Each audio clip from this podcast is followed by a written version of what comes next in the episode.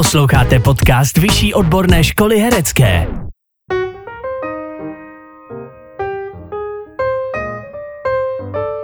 Milí posluchači, přejeme vám příjemné ráno, odpoledne či večer.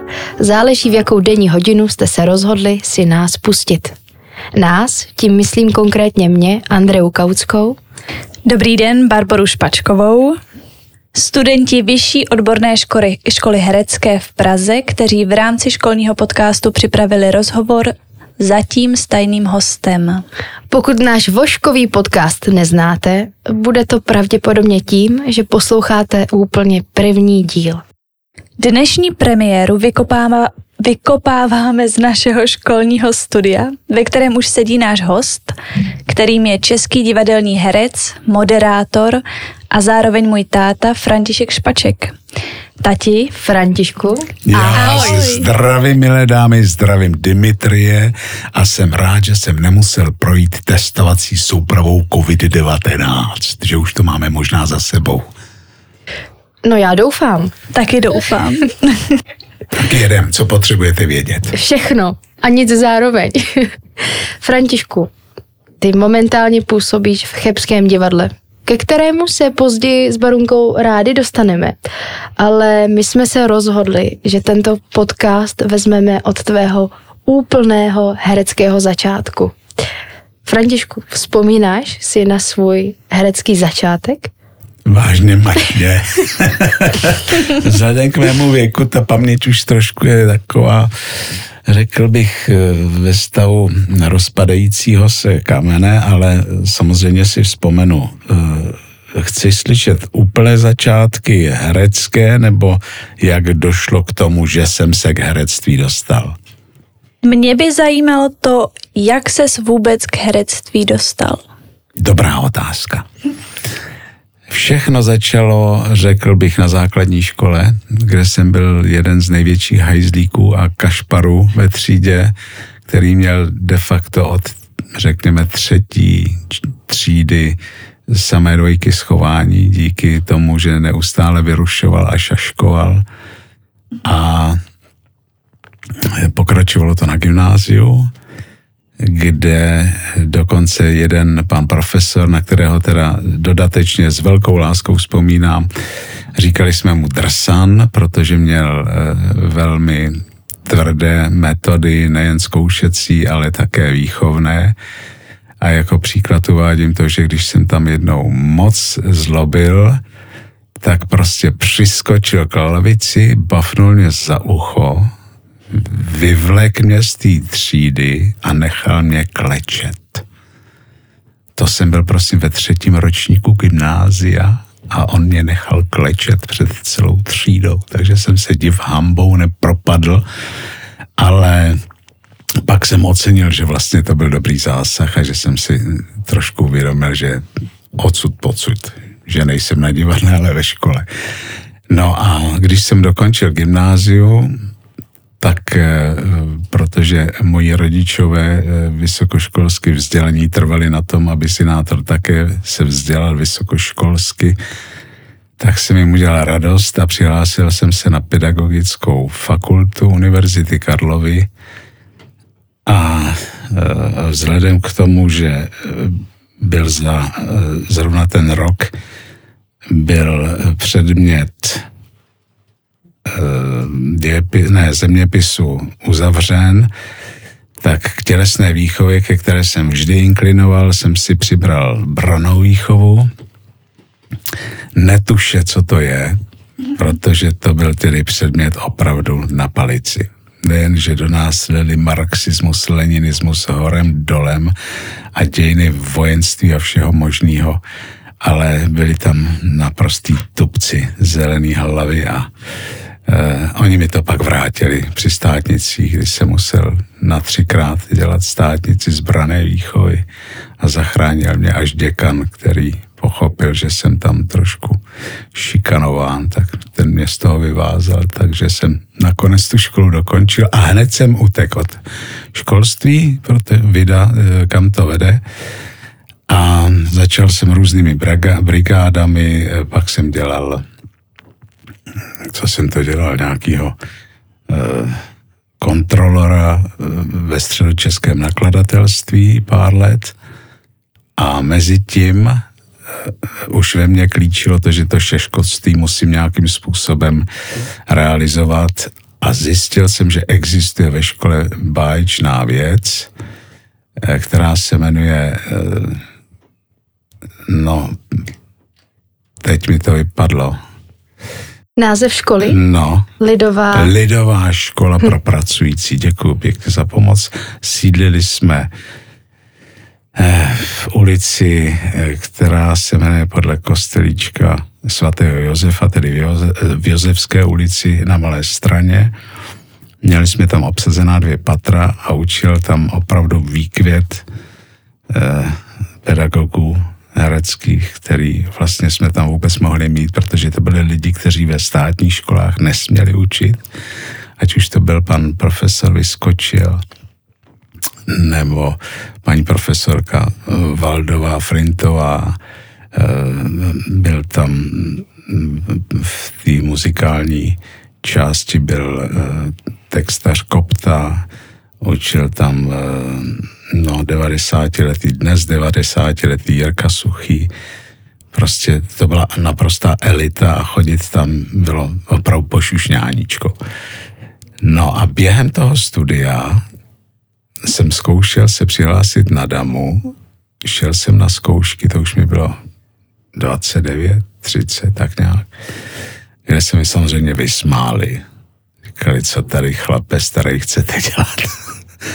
Takže jsem dojel na věk, ale nevadilo mi to eh, díky profesorům, eh, vlastně to byla hlavně paní profesorka Jordánová, režisérka televizní, která dělala ten večerníček o Krakonošovi, ta nás učila taky na herectví.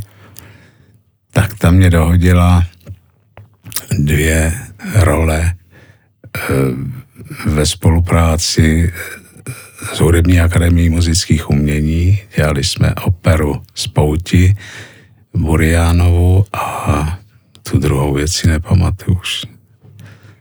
Ale byly to prostě opery a v tom byly vsuvky eh, pro nás herce činoherní byla to hezká zkušenost, seznámil jsem se tam s prýma lidma zase z té hudební branže, ale pomohlo mi to také k tomu, že e, samozřejmě jak se blížil závěr e, školy, tak jsem psal na jednotlivá e, divadla, samozřejmě co nejvzdálenější, co nejvzdáleněji od Prahy, protože mi bylo jasné, že v Praze samozřejmě se nechytám, nemají známý ksicht a nemají rodiče z hereckého, z oblasti, takže jsem psal, já nevím, Kladno, Mladá Boleslav, Cheb, Karlovy Vary a tak dále. No a e, pár lidí se sjelo z těch divadel právě na představení Pouti a vyhráli to Karlovy Vary. A zase to byla taková šťastná hvězda, protože v Karlových Varech v té době byli opravdu moc, moc šikovní herci a asi bych měl jednoho barda jmenovat, ale když já na ty jména jsem takový blb, nevzpomeneš si na nejslavnějšího herce Karlovarského. Hodně jsem o něm doma mluvil. Opočenský, jo, no, mistr Opočenský. To bude on. Velká hvězda a to byla tedy škola, neskutečná, protože to byl herec od Pána Boha, byl sice obrovský opilec, on teda to prolejval, to hrdlo mohutným způsobem, ale když se postavil na jeviště, tak to byl prostě zázrak. Takže si třeba tím, že si ho sledoval, to, jak hraje, tak si z toho nějak potom čerpal? No, určitě. Určitě. Eh, speciálně on byl vynikající v tom, že eh, nejen, že uměl tu postavu zahrát charakterově tak, jak si to člověk i sám představoval, ale hlavně měl výbornou dikci a měl úžasně znělý hlas, takže on když mluvil, tak ho slyšeli až úplně nahoře na bylílku, dokonale. A to byla taková moje Eh, takový můj Everest. Eh, Tam jsem se chtěl dostat, aby jednou i já, až budu na divadle, tak abych mluvil tak zřetelně s výslovností, aby opravdu až na tom bydle mě dobře slyšeli. A to si myslím, že byla škola úžasná. No. Když jsme se dostali k tomu karlovárskému teda divadlu, tam si účinkoval dva roky. Jenom, Co, ano. Což se uh, řekne, že je docela jako krátká doba, ale na to, že si tam byl dva roky, tak tam byl v nemalém počtu inscenacích. A mě by zajímalo, když se řekne Karlovarské divadlo, ta doba těch dvou hmm. let, jaká ta inscenace se ti vybaví na prvním místě? Co bylo jako to, co se ti hned teď, ta asociace toho divadla? Eh, báj, Báj. od Fischerový, kde jsem měl hlavní roli Johana a kde jsem hrál právě s Gustavem Opočenským, mimo jiné, který tam hrál, myslím, biskupa, ne, co to je za postavu. A to bylo pěkný. To bylo moc, to se mi moc líbilo a snad i lidem, no. Pak jsme nastudovali, a to byl trošku pech, eh, eh, slečnu pro jeho excelenci od Dítla, docela dobrá komedie a myslím, že se jí povedla, jenže měla smůlu v tom, že eh, premiéru měla tuším 16. listopadu mm-hmm. 89. jo, a potom už to vlastně nemělo smyslu hrát. Takže jestli jsme měli deset repríz, tak to bylo moc. Ale byla to dobrá vtipná komedie a tam jsem měl tak jednu z, z hlavních rolí. No když uh, si k tomu se takhle dostal, tak to jsem se chtěla zeptat, protože ty jsi tam vlastně působil přesně na přelomu, uh, nebo když zrovna probíhala sametová revoluce, tak jestli jsi všiml nějakých změn v rámci třeba hraní, působení, nebo jak to probíhalo zrovna třeba v Karlovarském divadle? ten přelom, hmm. 89-90.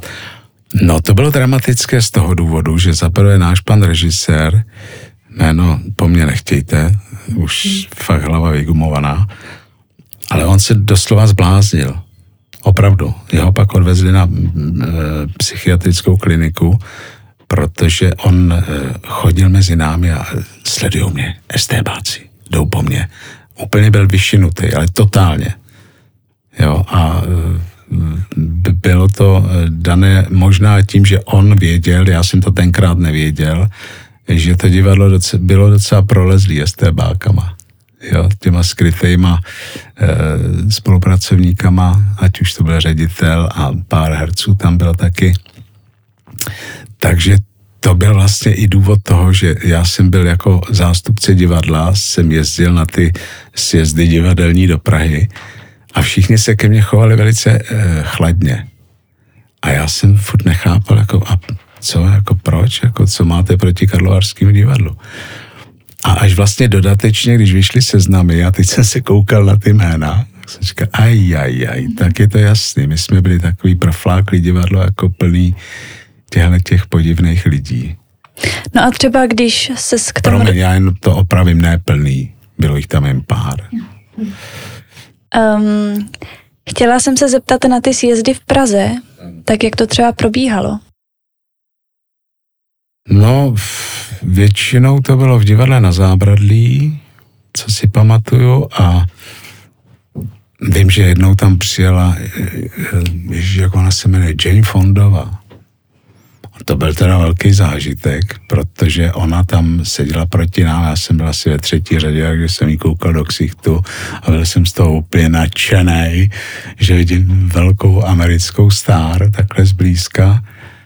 A eh, ona vlastně eh, tam lela takový ty povídačky, jak nám fandí, jak je to bezvá, Havel a vlastně neřekla eh, nic moc, ale bylo to takový to povzbuzení, že i jako velká špička americká přijela do Prahy povzbudit jako svý kolegy, aby to nevzdávali, aby se to celý dotáhlo do toho vítězného konce, no. Pěkný to bylo. A to bylo teda, teď jsme se vlastně dostali k tomu, jaké to bylo eh, vnímat to divadelní prostředí eh, za dobu revoluce, přímo toho vlastně roku, kdy ta revoluce probíhala. A co po té revoluci? Byl to, byla to, byl to nějaký skok? Nebo se nic No, nedělo? Eh, byl skok v tom, že se mi začaly rodit děti. Což je pro herce nemilé, protože já jsem tenkrát, jestli si dobře vzpomínám, měl, myslím, 1800 měsíčně. A de facto to se nedalo prostě uživit. To vyloučená věc. Takže jsem začal přemýšlet, co dál. Tak uh, jsem zkoušel uh, nějaké blížší divadlo k Praze, že by tam byly jako příležitosti film, televize nebo něco takového. Vzal mě do příbramy, takže tam jsem byl další sezónu, myslím 90-91 a v příbrami uh, to bylo tristní. Fakt tristní. To jsem nečekal takový úpadek úrovně. Jo, já jsem byl zvyklý v Karlových Varech na určitou hereckou úroveň. Ty lidi tam byli fakt moc dobrý herci a herečky. A teď jsem přišel do příbramy a jako když se z první ligy dostaneš do třetí divize, nebo abych to nepřenal, řekněme do třetí ligy, jo. Bylo, byl to fakt šok, protože ta příbram je kousek od Prahy a člověk by čekal, že tam přeci jenom bude, budou docela kvalitní lidi pár jich tam bylo, byl tam třeba pan uh, Žák, to byl dobrý herec, ale jinak to... V, a Gula, Guliáš, Guliáš, mm. jo. Ale jinak jako fakt bída. Opravdu bída, takže jsem po jedné sezóně a vzhledem taky eh, k setrvájící finanční bídě jsem si říkal, tak takhle už to fakt nejde. Musím najít eh, jiné uplatnění, kde bych získal více peněz na uživení rodiny. A začal jsem obvolávat rádia, kde jsem si říkal, že přece budou trošku lepší platy. A podařilo se mi dostat se do rádia Praha, do státního rozhlasu, kde jsem působil jako zprávař ranní zprávař, takže jsem vstával v půl třetí, vlastně ve dvě jsem vstával v půl třetí, na mě čekal taxik, který mě odvážel do rádia a ve čtyři hodiny už byl připraven se zprávami. Bylo to krutý. Takže jsem to vydržel jen půl, ro, jen půl roku, ale díky té praxi e, jsem se mohl zase obrátit na další rádia, na ty soukromní a z těch soukromých si mě vybralo uh, rádio Rio, což bylo výborný rádio, strašně rád na to vzpomínám. Eh, sídlili jsme v Národním technickém muzeu, uprostřed Národního technického muzea, dokonce jsme tam měli jednu prosklenou stěnu, takže návštěvníci muzea prostě, když procházeli muzeem, tak mohli koukat na to, jak to funguje ve studiu, mohli nám zamávat, bylo to fajn, Měli jsme úplnou volnost, mohli jsme si vybírat hosty, mohli jsme vybírat muziku, prostě bylo to free, no jenže eh, majitel byl nějaký Čecho-Švýcar a udělal nějaký šmé a celý rádio padlo, takže se muselo hledat dál. A eh, objevilo se rádio Alfa, což bylo eh, celoplošný tenkrát už, tak tam jsem nastoupil vlastně v prime, v prime time od 9 do 1, tuším se mi já jsem měl frekvenci a tam už mi dohazovali hosty, takový ty celebrity, herecký a já nevím jaký. A bylo to zajímavé, ale časem to začalo nudit a hlavně přišla změna techniky. My jsme si to, my jsme dřív měli vždycky technika v kukani, který vlastně jenom reagoval na naše pokyny, zapínal, vypínal mikrofon, strkal tam muziku a my jsme si povídali s hostem. No a pak přišla změna, přišly automaty, každý si to ovládal sám, přišli noví moderátoři, kteří tu techniku uměli ovládat a my, co jsme byli tupci, tak nás vyšoupli ke zprávařině. Takže jsem zase začal zprávařit, takže jsem v rádiu Alfa dělal zase od pěti do devíti zprávy. No a mezi tím e, mě oslovilo country rádio, takže jsem pak jel dvě rádia najednou, country rádio a e, rádio Alfa. V country rádiu jsem byl většinou večer nebo v noci. No prostě jsem to pitlikoval, abych viděl peníze, že jo. Ale rodinu jsem zachránil, uživil a je tu stále. No, Bára je toho dokladem. No tolik tedy moje e, rádio a na báze. Mě by zajímalo, jestli uh, tu schopno, nebo to moderování, protože ty, zvlášť třeba v country rádiu, tak vlastně se s časem stal velmi jakoby populárním Country moderátorem. ptáček, Franta Špaček. Je- Ano, je to tak. uh, tak nejen, že jsi byl známý moderátor, ale měl si vlastně i řadu pořadů. Jeden z nich byl třeba právě Rady ptáčka Franty Špačka. Ale zajímalo by mě, jestli um, ses to nějak naučil, anebo Ne, já jsem měl prořízlou hubu a de facto oni eh, na tohle to reflektovali, když jsem byl na zkouškách a slyšeli, jak tam melu, tak říkali, dobře, tak jo, my to s váma zkusíme. Dali mi ty nočky a ty nočky se osvědčily a pak už mě šoupali, třeba pak jsem v country rádiu dělal odpolední bloky. Jo. Takže to vlastně a byl přišlo- jsem populární tím, že mi opravdu huba často ujížděla, až tam, že třeba se rozlítly dveře a přilít ředitel, co to říkáš? Jo, že někdy to bylo až moc, ale nikdy mě nevyhodili z žádného rádia.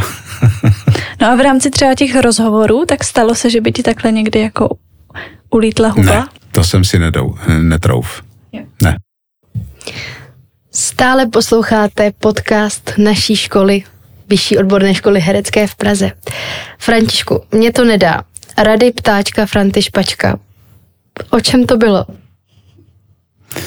No, ono to bylo především o eh, přípravě různých pokrmů, jo. Jak si opravit co v bytě, eh, jak venčit psa, jo, jak ho vykoupat a prostě takovýhle praktický rady, který jsem čerpal z různých encyklopedií. Eh, Víceméně jsem je kradl, že jo, a dělal jsem chytrýho, ale líbilo se to, lidi byli moc spokojení.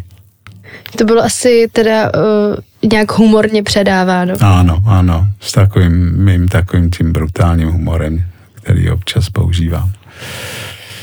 No, No a krom toho si tedy um, měl pořád o historii pražských památek. to je pravda.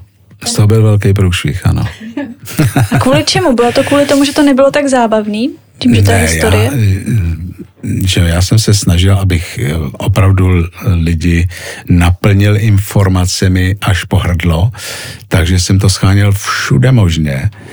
A eh, částečně také z jedné publikace dámy, kterou nebudu jmenovat, a ona se doslechla, že používám kousíčky z těch jejich textů a stěžovala si a teď z toho byl hrozný malér a já jsem jí fakt musel zaplatit asi, já nevím, 15 tisíc jako za autorský práva, že jsem používal kousky jejich textů.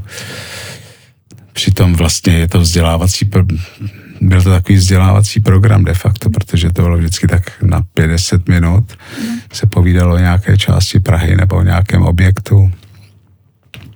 A hledali se spíš zajímavosti, protože ty klasické věci každý ví, že jo že jsou ve Vítě Varhany, ale už se neví, jakou měli třeba historii, jak dopadly, jo, takový prostě e, drobnůstky, které by lidi e, bavili, tak jsem právě hledal e, po všech možných literaturách a u té paní jich bylo dost. Takže tam mi s- m, sloužil jako dost dlouhou dobu jako e, taková studna vědomostí, no a když se to domákla, tak to bylo špatný. Než na to člověk přijde. No, no, no. Ale já jsem to fakt nebral jako e, vykrádání něčích myšlenek. Eh, Já jsem to spíš bral opravdu jako e, inspira, ne inspiraci, takovou studnu prostě vědomostí, která ta paní samozřejmě musela někde nazbírat taky, ale já už jsem ji měl tak hezky u ní seštosovaný a jenom jsem vybíral, že toho a toho ro- roku se stalo to a to a místo, abych projížděl samozřejmě dějiny, no, tak jsem sahal k ní. No, asi to nebylo dobře, ale stalo se, zaplatil jsem, všecko vyřízeno. Ano, ano, samozřejmě, omluvil jsem se nejen ve vysílání, a ještě jsem jí poslal dopis a ona řekla, že jí to nezajímá, že jsem zloděj a darebák, takže jsme skončili jako nepřátelé. Z její strany. Mě je ukradená. Já si pamatuju, že v době, kdy jsi uh, pracoval na country rádiu, tak právě nějaký tvůj kamarád si tě tam vyhmátl a ty si v rámci toho naspíval asi čtyři písničky v nějaký spolupráci, který potom docela jakoby vedli v rámci hitparády na country Jo, to je rádiu. pravda, ano. No, Jedna písnička se ujala na hitparádě a chvíli se tam hrála, pak upadla v zapomnění, celkem logicky. A u tebe upadla v zapomnění? Nebo Jo, nepamatuj? někde, mám ji někde v tom, v počítači, ale paměť nechtěj po mně, abych si vzpomněl. Že kdyby teď náhodou by si vzpomněl na úryvek. já si pamatuju, že jedna z nich byla o deštníku. Jo, jo, jo, jo, ztracený nebo rozpadlý deštník, tak nějak, jo, jo, jo. Veselá písnička. Mě by ještě zajímalo, když jsi změnil pole působení z divadelního prostředí do toho rozhlasového, a to, bylo, to bylo teda období, kdy se věnoval čistě rádiu a divadlo čistě. A takže divadlo v tu chvíli vůbec eh, pro tebe nemělo eh, v tom životě to místo. Nemohlo mít, já, Nemohlo. my jsme opravdu měli eh, existenční problémy. Mhm. A to takový, to je taková perlička, jenom kam až se člověk může dostat, že jsme neměli vůbec peníze a teď si představ, že někdo, do dneška jsem nezjistil kdo, přijdu ke schránce, otevřu ji a tam byla tisíci koruna. Někdo se zřejmě dozvěděl, že jsme Brindě. Prostě mi tam šoupnu do schránky tisíci korunu. Tak jsme měli zase na ty To je krásný. No já si pamatuju, že si eh, rozprodával naší knihovnu. Můžu se k tomuhle tomu vrátit, protože to bylo rozkošné. E, To fungovalo tak, to jsem ještě e, končil v Karlových Varech v divadle a už byla fakt bída, takže já jsem měl moc pěknou knihovnu. Díky tomu, že jsem pracoval ve středočeském nakladatelství, takže jsem dostával podpultovky a měl jsem opravdu výborné knížky, tak jsem je vždycky naskládal do kufru a ten kufr jsem odvez do Karlových Varů a tam na kolonádě jsem otevřel ten kufr, vyložil knížky a lidi chodili a kupovali si je. A takhle jsme žili, no. A samozřejmě s tím krásným platem hereckým. Jsem právě chtěla říct, že si já jako jakožto teď jako divadlo, pro divadlo žiju a moje představa je uh, hrát v divadle, tak tyjo, jako představit si, že nemůžu uh, hrát, protože prostě exi- existenční problémy, uživit rodinu, to je náročný. No, kdybych měl jenom manželku, tak je to v pohodě, tak budeme žít v nějaké díře a nic nám nebude scházet. My jsme byli takhle spokojení, jenže pak se začalo rodit jedno takovýhle krásné dítě za druhým. Máme jich celkem šest a to už pak je blbý uživit. Šest děcek, to už fakt je o život. No, já jsem chtěla dodat, že těch dětí není málo, aby posluchači věděli, že se tady nebavíme o dvou dětech. Stále pod, posloucháte náš voškový podcast. Za mikrofony jako moderátorky tady slyšíte Andreu a Báru. Jako host tady je pořád zatím František Špaček. Um, já bych se posunula teďkon trošku tak jakoby k tomu, jak třeba ty vnímáš divadlo a k tomu, jak třeba když tedy teďkon, protože jsi k divadlu dostal zase zpátky a vlastně možná o té cestě se potom budeme i nějak bavit, tak jak třeba ty, když dostaneš novou roli, tak jak na ní pracuješ? No, eh, ta samotná práce víceméně začíná kolektivně. To znamená, že se sejdeme všichni na první čtené a eh, tam nám pan režisér eh, potvrdí to, co jsme viděli na nástěnce, to znamená obsazení rolí, rozdají nám scénáře, no a začne se číst. A vlastně už při té první četbě si člověk začíná tak trošičku malinko eh, představovat, jak by ten človíček asi mohl být. Eh, Při druhé čtené už třeba ten hlas si trošku nasadí, tak jak by si to představoval. A někdy bývá režisérem umravněn, eh, že mu hned při té druhý, eh, druhé čtené řekne, tak tudy ne, já si ho představuju takhle. No a to pak člověk musí zase ty svoje představy přehodnotit, řekne si, aha, režisér ho vidí takhle, tak aha, ono by to taky šlo. A trošku si to upraví a už jede tím směrem, no a pak jsou, teď už to znáte, pak jsou ty eh, zkoušky, takový ty eh, slepý, kdy člověk pobíhá po jevišti s textem a neví, která bije a režisér ho posírá zleva doprava, zprava doleva a nikdo neví vlastně proč, co to bude a pak se to postupně sestavuje, sestavuje a najednou hele, ona je tady eh, generálková část a hele, ona to funguje. Jo, ale to už je záležitost režiséra a uh, ta vlastní práce uh, přichází tak nějak náhodile, aspoň pro mě.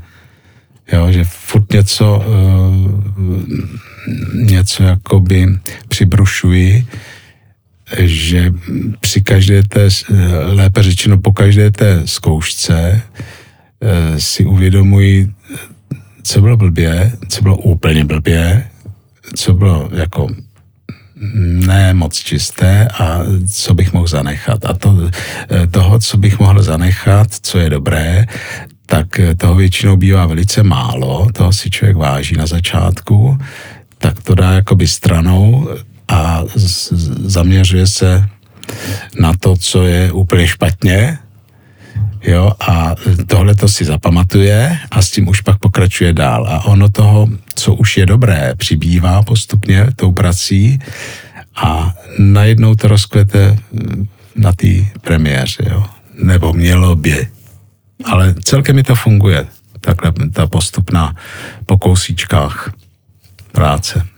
Ono asi taky možná každá role, jak je jiná, tak potřebuje jiný způsob přípravy. Ano. Někdy to jde asi snadněji, někdy hůře. Pravdou je, eh, co jsem si za ta léta eh, sám osvojil, je, že čím dřív si člověk naučí text, tím snadněji se mu pak ta, hledá ta role. Protože eh, bez znalosti toho textu je to fakt bída. Eh, někteří kolegové teda vydrží až do toho generálkového týdne pobíhat s textem a to už teda většinou režisér zuří. A já to moc nechápu, protože to už eh, by člověk měl mít tu postavu hotovou, jo, a eh, to, že se to rychle naučíš, ten text, strašně pomůže k tomu, aby už pak člověk nemusel myslet na ty slova, který už víš a pak už můžeš jako navenek pracovat textem, mimikou a tak dále. Nemusíš prostě eh, se zarážet eh, třeba v, herec, v herecké akci tím, že eh, si nespomeneš, najednou ti vypadne slovo nebo věta a vlastně z toho úplně vypadneš z té postavy, protože najednou myslíš, že kote, co jsem to měl říct. A je to všecko v čudu, jo. A když ten text umíš, tak pak už vlastně e, můžeš si hrát i s variantama hlasu, síly. E, jo, už je to všechno podstatně jednodušší. Takže doporučuji všem naučit se co nejdřív text. Máš k tomu nějakou speciální metodu, jak se učíš text, nebo ho prostě jenom memoruješ tak jo, dlouho, memoruju, dokud... přesně tak. Jo. jo. No protože já třeba mám problém u toho, že když si to takhle memoruju, tak potom mi zůstává ten stereotyp toho, jak jsem si to přeříkávala, tak ty intonace, třeba těch chyb, který jsem tam měla, když, když jsem si to přeříkávala, tak kvůli tomu se ptám. Eh, no já se to snažím učit eh, de facto bez výrazu. Že to prostě, eh, tu větu si prostě nadrtím a teprve potom když už ji umím, tak pak si s ní hraju výra, eh, ve výrazu. Mm-hmm. Jo, tak. Mm-hmm.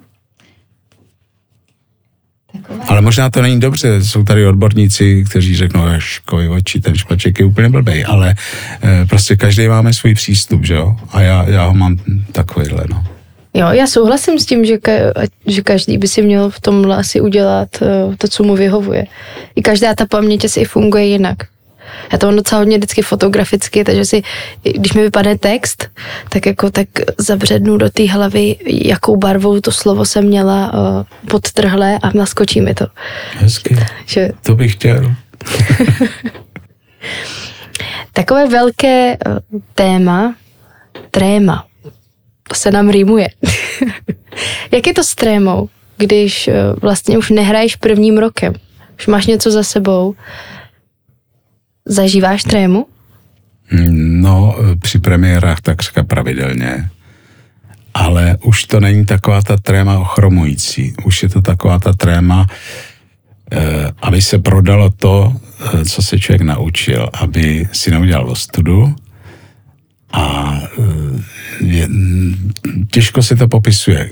Když jsem začínal, třeba když jsme hráli z Hamu tu operu Spouti, tak tam eh, jsem měl takovou trému, že jsem měl opravdu, že mi nohy vibrovaly. Jo, vysloveně třes v těle. A naštěstí to nepřišlo do hlasivek, protože to už by tam člověk nemusel být. Ale ten třes byl opravdu mimořádný. A to jako časem zmizelo úplně. A eh, teď je to, nevím, samozřejmě adrenalin patrně v těle si nějakým způsobem vyvolá a e, spíš je to takový očekávání, napětí, víš, takový to nadrženost a uh, už, aby to bylo, jo, už je to takový, jdeme na to, jdeme na to, spíš uh, nedočkavost, ale samozřejmě, když pak vstoupíš na to, na to pódium, do zářitě reflektoru a vidíš tam ty plný řady, tak člověk eh, jako trošku s sebou cukne, jo, malinko, většinou, ale nesmí se to dát najevo, že jo. Jako máš to takový ten vnitřní cuk, jo, už je to tady a pak se to teda prodává, no. Máš před představením nějakou, nějaký svůj zvyk, nějaký rituál? Ne. A třeba tu trému, uh, nějaký metodik, jak by si, jaký by si třeba odbourával? Mm, vážně nevím, ne. Nějak to samo, samo to odešlo. Tím, jak jsem měl dlouholetou praxi, tak to nějak zmizelo. Tak ono asi ta, taková ta v uvozovkách zdravá tréma, tak to i bývá takovým tím výborná. pohonem, že jo? Určitě. Ta motivace vůbec výjít na to jeviště a vydat tam jako super rozhodně bych nedoporučoval před eh, premiérou být flegmatický. To asi fakt není dobrý. To, spíš být jako tak jako natěšený, nadupaný a jdeme na to, jako vykopnout to. Je pravda, že náš režisér uh, nám nedávno uh, říkal, uh, máte trému? A já jsem řekla, ne, nemám. A on nám řekl, to je špatně. Herec musí mít vždycky trému, jinak je něco špatně. Takže na tom asi něco bude. Trošku se posunu zase o kousek dál. Um, v rámci divadla máš žánry, které se ti hrajou třeba líp? Komedie. Jednoznačně. Já jsem komediant a bohužel eh, tady v tom karlovarsko-chebském souboru dostávám takový role hmm, spíš vážný, že jo. Hrál jsem v Karlově Vary Geta a takovýhle postavy, který ke mně vůbec nejdou, jako. Hmm. A tam se i zpívá dokonce, že to není čistě činohra, ne? No, takhle, v, v tom, co jsme to, to byli... Strasti otce vlasti. Jo, jo, tam, tam jsem hrál nějakýho doktora, zase celkem, ale ne, to bylo komediálnější. Ale tady, co dostávám, to, to jsou většinou takový vážnější role, že jo? To jsem hrál nějakýho profesora a, a továrníka, takový pitomý postavy. Já bych chtěl nějakýho komedianta vyblbnout se vyřádit. No a vzhledem k tomu, že nás čekají naši furianti, tak to zase žádná komedie nebude, no. Už steklý dědek. No můžeš ještě teda prozradit uh, s posluchačům, jak ses uh, vrátil zase zpátky do Karlovarského divadla? Jo, to je pravda, no. To už uh, jsme byli za vodou, protože něco nám spadlo do klína. Blížíme se časově možná k limitu, tak já budu stručnej. Ne, v pořádku, máme můžu, čas, můžu, no to, to, to víš, že jo. Žádný spěch. Ne, to já bych hmm. na tebe mrkla. Jasně, no. To už jsme se prostě finančně, to dopadlo všechno dobře, něco se zrestituovalo, rodina dostala to, co jí komouši vzali, takže jsme se zahojili a začalo být veselo, já jsem mohl opustit ten rádia a e, honem jsem se hlásil do Karlovarského divadla, zase zpátky. Jsem se vrátil, kde jsem začínal a byl jsem tam vřele přijat eh, tou partičkou, která byla kolem Jirky Seidlera, pana režiséra a uměleckého šéfa. No a eh, bylo to moc pěkný. Žádný, žádný trémy se nekonaly, naopak bylo to velký nadšení, protože jsem měl vlastně strašně dlouhou pauzu a chybělo mi to, ale už to bylo dobré, už se dalo žít z hereckého platu. A po, po takové době bez divadla to musel být nádherný pocit. Báječný. To jo. Báječný. To vlastně takovou zkušenost teď máme trošku taky po, po té karanténové a covidové době. A krásný bylo, že jsme začínali vlastně tím Karlem IV., jestli se vybavuju, a tam byl eh, kolega Háma. A to je herec par excellence, opravdu výborný. A taky výborný bavič a komediant. A to se prostě hrálo, to byla rozkoš. A do toho Viktor Braunreitner, eh, karlovarská hvězda. Takže to bylo plný srandy a to jde pak samo. I to učení, i to zkoušení. Prostě když je výborná parta na divadle, tak prostě to zkoušení je úplně o ničem jiným, než třeba když jsem byl v té příbrami, kde to teda byla, to bylo zoufalý. A v Chebu, v Chebském divadle teďka taky báječná parta, převážně mladých lidí, dobře naladěných a plný humoru, takže to dělá v divadle taky strašně moc, ta parta herecká, když se sejde. No vlastně tím, že se spojil uh, herecký ansámbl Chebského a Karlovarského divadla, tak si trochu změnil obor, protože tam teďkon většinou hraješ v muzikálech. Jaká tato změna pro tebe byla? Zvlášť takhle na stará kolena. Šokující. ano, šokující, protože najednou se po mně chtěla, abych tančil, což je pro mě e, záležitost přestože bych jako herec měl trošku umět tančit, tak já trošku jako jo, ale že by to bylo moc na koukání, to ne. A teď eh, jsme tam měli, máme tam takovou výbornou uh, srbskou choreografku, uh, Ivanku Dukič, což je bývalá prima balerina nějakého toho jejich srbského národního divadla. A je výborná scenografka, výborná, ale je to tvrdá dáma a nedá nic zadarmo a ona přesto, že ví, že jsem starší člověk, mám problémy, já nevím, s různými částmi těla, pohybovými, eh, hlavně klouby, že jo, kyčle a to, tak eh, neodpustí nic. Jo, a to byl největší šok, že teda se musím takhle hejbat brutálně. No a teďka v tom posledním představení, eh, kdyby tisíc klarinetů mám dokonce solo píseň, tak to je zase o něčem jiným, to jsem taky nikdy předtím nedělal, tak je to dobrodružství. Fakt dobrodružství. My jsme si na tebe připravili takovou záludnou otázku. Jež. Já věděla, že řekneš Ježíš. Nazvali jsme ji herní koláč. Takové dekády. Nás by totiž zajímalo, eh, jak se pro tebe osobně přístup k hraní změnil uh, v posloupnosti času. Jak se ti vlastně hrálo jako mla- mladému, jako staršímu a jak to vlastně šlo dál? No, to jste mě dostali, holky. No. Ale já jsem vám říkal před tím začátkem, že to s tou pamětí není nejlepší. A teď si vybavovat, jak člověk hrál, no já nevím, já jsem hrál furt stejně. Nebo n- před chvílí jsme se bavili o tom, že jsi říkal, že preferuješ komedie. No to jo, A to bylo vždycky? jo, Jo. jo. A e, zaplať pámbu jsem dostával jako často komediální role e, za starého Karlovarského divadla za, za ty dvě sezóny. Byl jsem strašně moc ob- obsazovaný, opravdu, brutálně. Já jsem měl asi deset inscenací za rok a z toho jsem měl, já nevím, čtyři hlavní role, takže já opravdu se třeba dopoledne se hrálo pro děti, večer se hrálo pro dospěláky. A když se nehrálo pro děti, jak se zkoušelo, jako to bylo fakt tvrdý období, ale zase se člověk obrousil, jo, tím tu trému ztratil, ostych. A najednou, víš, začalo se to všecko dařit. To dělá taky strašně moc, když na divadle hodně hraješ, tak si člověk vyhraje. A všechno jde mnohem snadnějc, než když dostaneš jednu malou roličku za sezónu.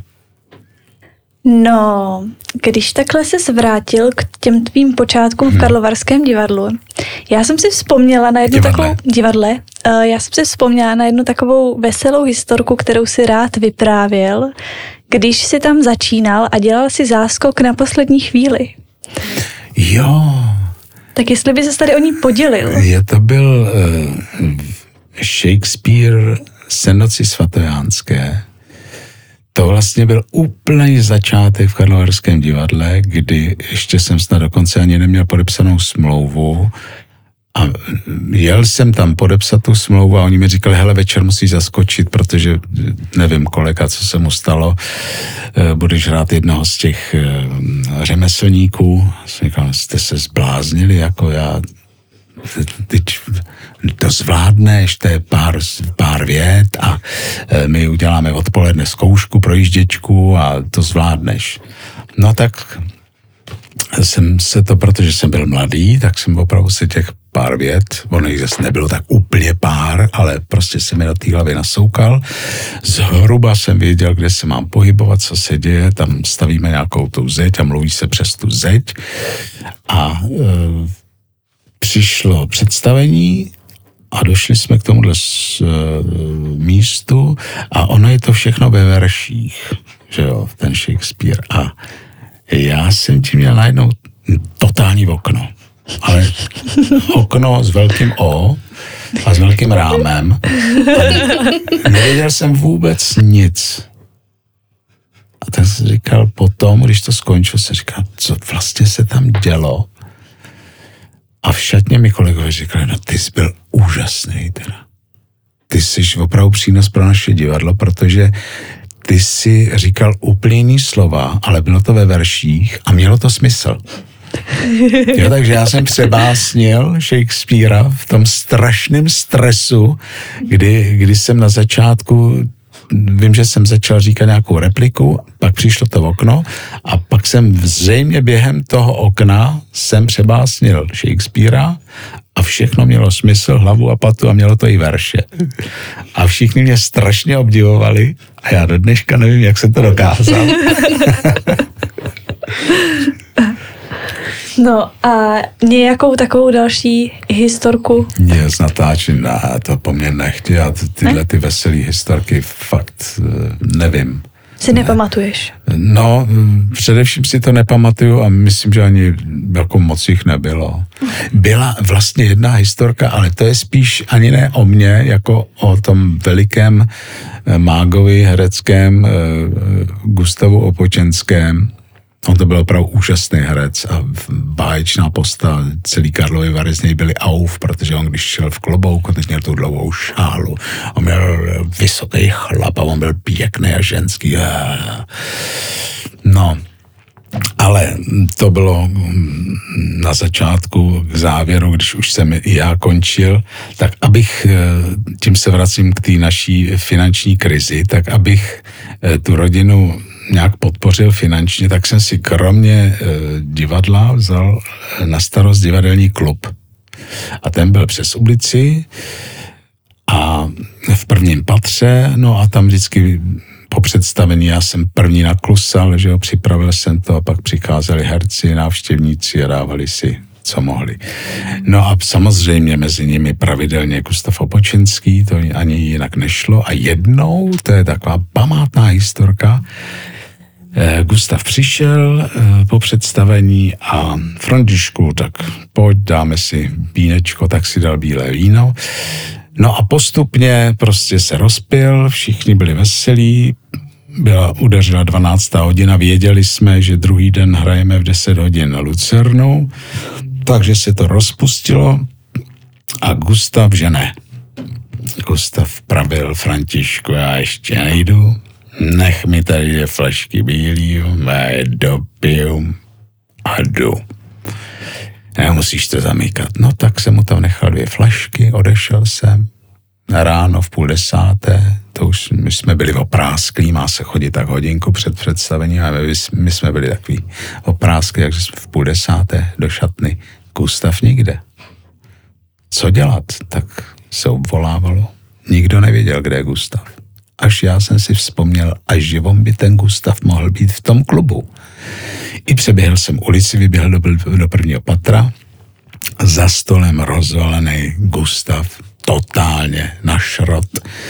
Vedle něj ty dvě prázdné flašky, Gustav počúraný, moc pěkné. Teď co dělat, že jo? Představení za 25 minut, co s ním? Tak jsme ho blesku rychle převlekli, opravdu vlekli jsme ho přes tu ulici do divadla, holky do něj nalili horký kafe černý, Gustav samozřejmě stále ožrat, ale nějak se, už se postavil na nohy aspoň. Dámy ho převlékli, on hrál vodníka, Ivana a no, udeřilo, udeřil gong, začalo se, no a když měl nastoupit na scénu vodník, tak jsme tam to Gustava tak přesunuli, že jo, za ty výkryty a když to mělo začít ten jeho vstup, tak jsme ho tam vpustili. Pardon, teď jsem se dotkl mikrofonu. No a Gustav, na to nikdy nezapomenu, který tam pomalu nemohl stát, tak na tom jevišti byl úplně nový člověk, řekl přesně to, co měl, zahrál přesně to, co měl, odešel do zákulisí a zhroutil se. A byl zase na mraky a takhle to měl asi v těch třech nebo čtyřech výstupech v té Lucerně, co tam je ten hodník. A do dneška nechápu, co se to s tím člověkem dělo, protože před mýma očima se měnil prostě totální opilec v geniálního herce a zpět. Jo, jak prostě zmizel z jeviště, tak konec. Pravdou, pravdou pak je, že tohleto spěťarství, ono to pak mělo neblahé eh, vlivy na toho Gustava v tom, že eh, eh, strašně zapomínal texty závěru, teda když už já jsem končil v tom 90.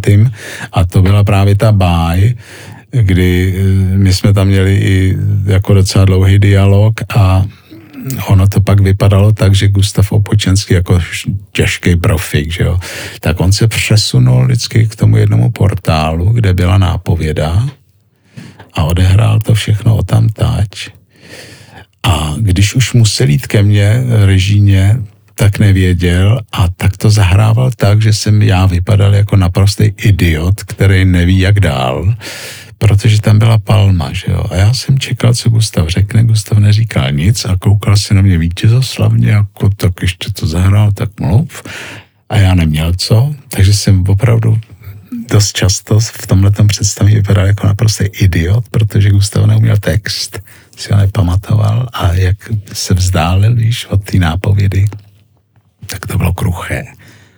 Závěr byl kruchý, ale když jsem přišel, a to byla právě ta doba té Lucerny a toho, tak byl báječný, jako přestože se ožíral mohutně, tak jako herec to byl naprosto skvostný. Radost s ním pracovat, fakt radost. Tak eh, my možná teď posluchačům řekneme, že... Budeme končit. Že budeme potřebovat druhý díl. Ne, my skončíme, docela normálně, otevřeně skončíme, popřejeme si všechno dobré, zlom vasky do budoucna je to tak, ještě předtím, než to uděláme, tak jenom teda řekneme posluchačům to, co zatím neví, totiž to, že teď docela často namlouváš, že tě můžou slyšet uh, na vlnách českého rozhlasu. Ano, Český rozhlas vysílá mé povídky, ať už je to Vltava, Český rozhlas Plzeň a Praha. Můžete tady Františka Špačka slyšet buď to tam, anebo právě si zajet třeba do Chebského nebo Karlovarského divadla, kde ho můžete vidět jednak v muzikálu Chytně, když to dokážeš, nebo teď v nově naskoušeném Kdyby tisíc klarinetů.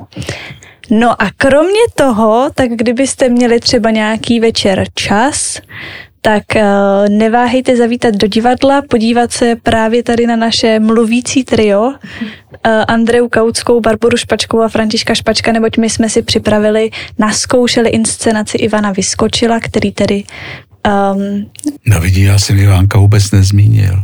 Ale jo, mluvil jo, jsem na mluvil začátku. Jsem, jo. Tak uh, ten tě tedy učil, tak uh, my učil. jsme naskoušeli jeho inscenaci, teda jeho divadelní hru Haber Dance. Pokud teda ten podcast zrovna neposloucháte Je Třeba po škoda. dvou letech. Můžete to oplakat. Ale pokud jste si ho pustili včas, můžete nás určitě navštívit. tak re- reklamní okýnko. Dámy, bylo mi s vámi dobře, děkuji za pozvání a mm, jak říkám, no zlomte vás do budoucna. Uh, to též platí pro tebe, zlom vás. Čert vás vem.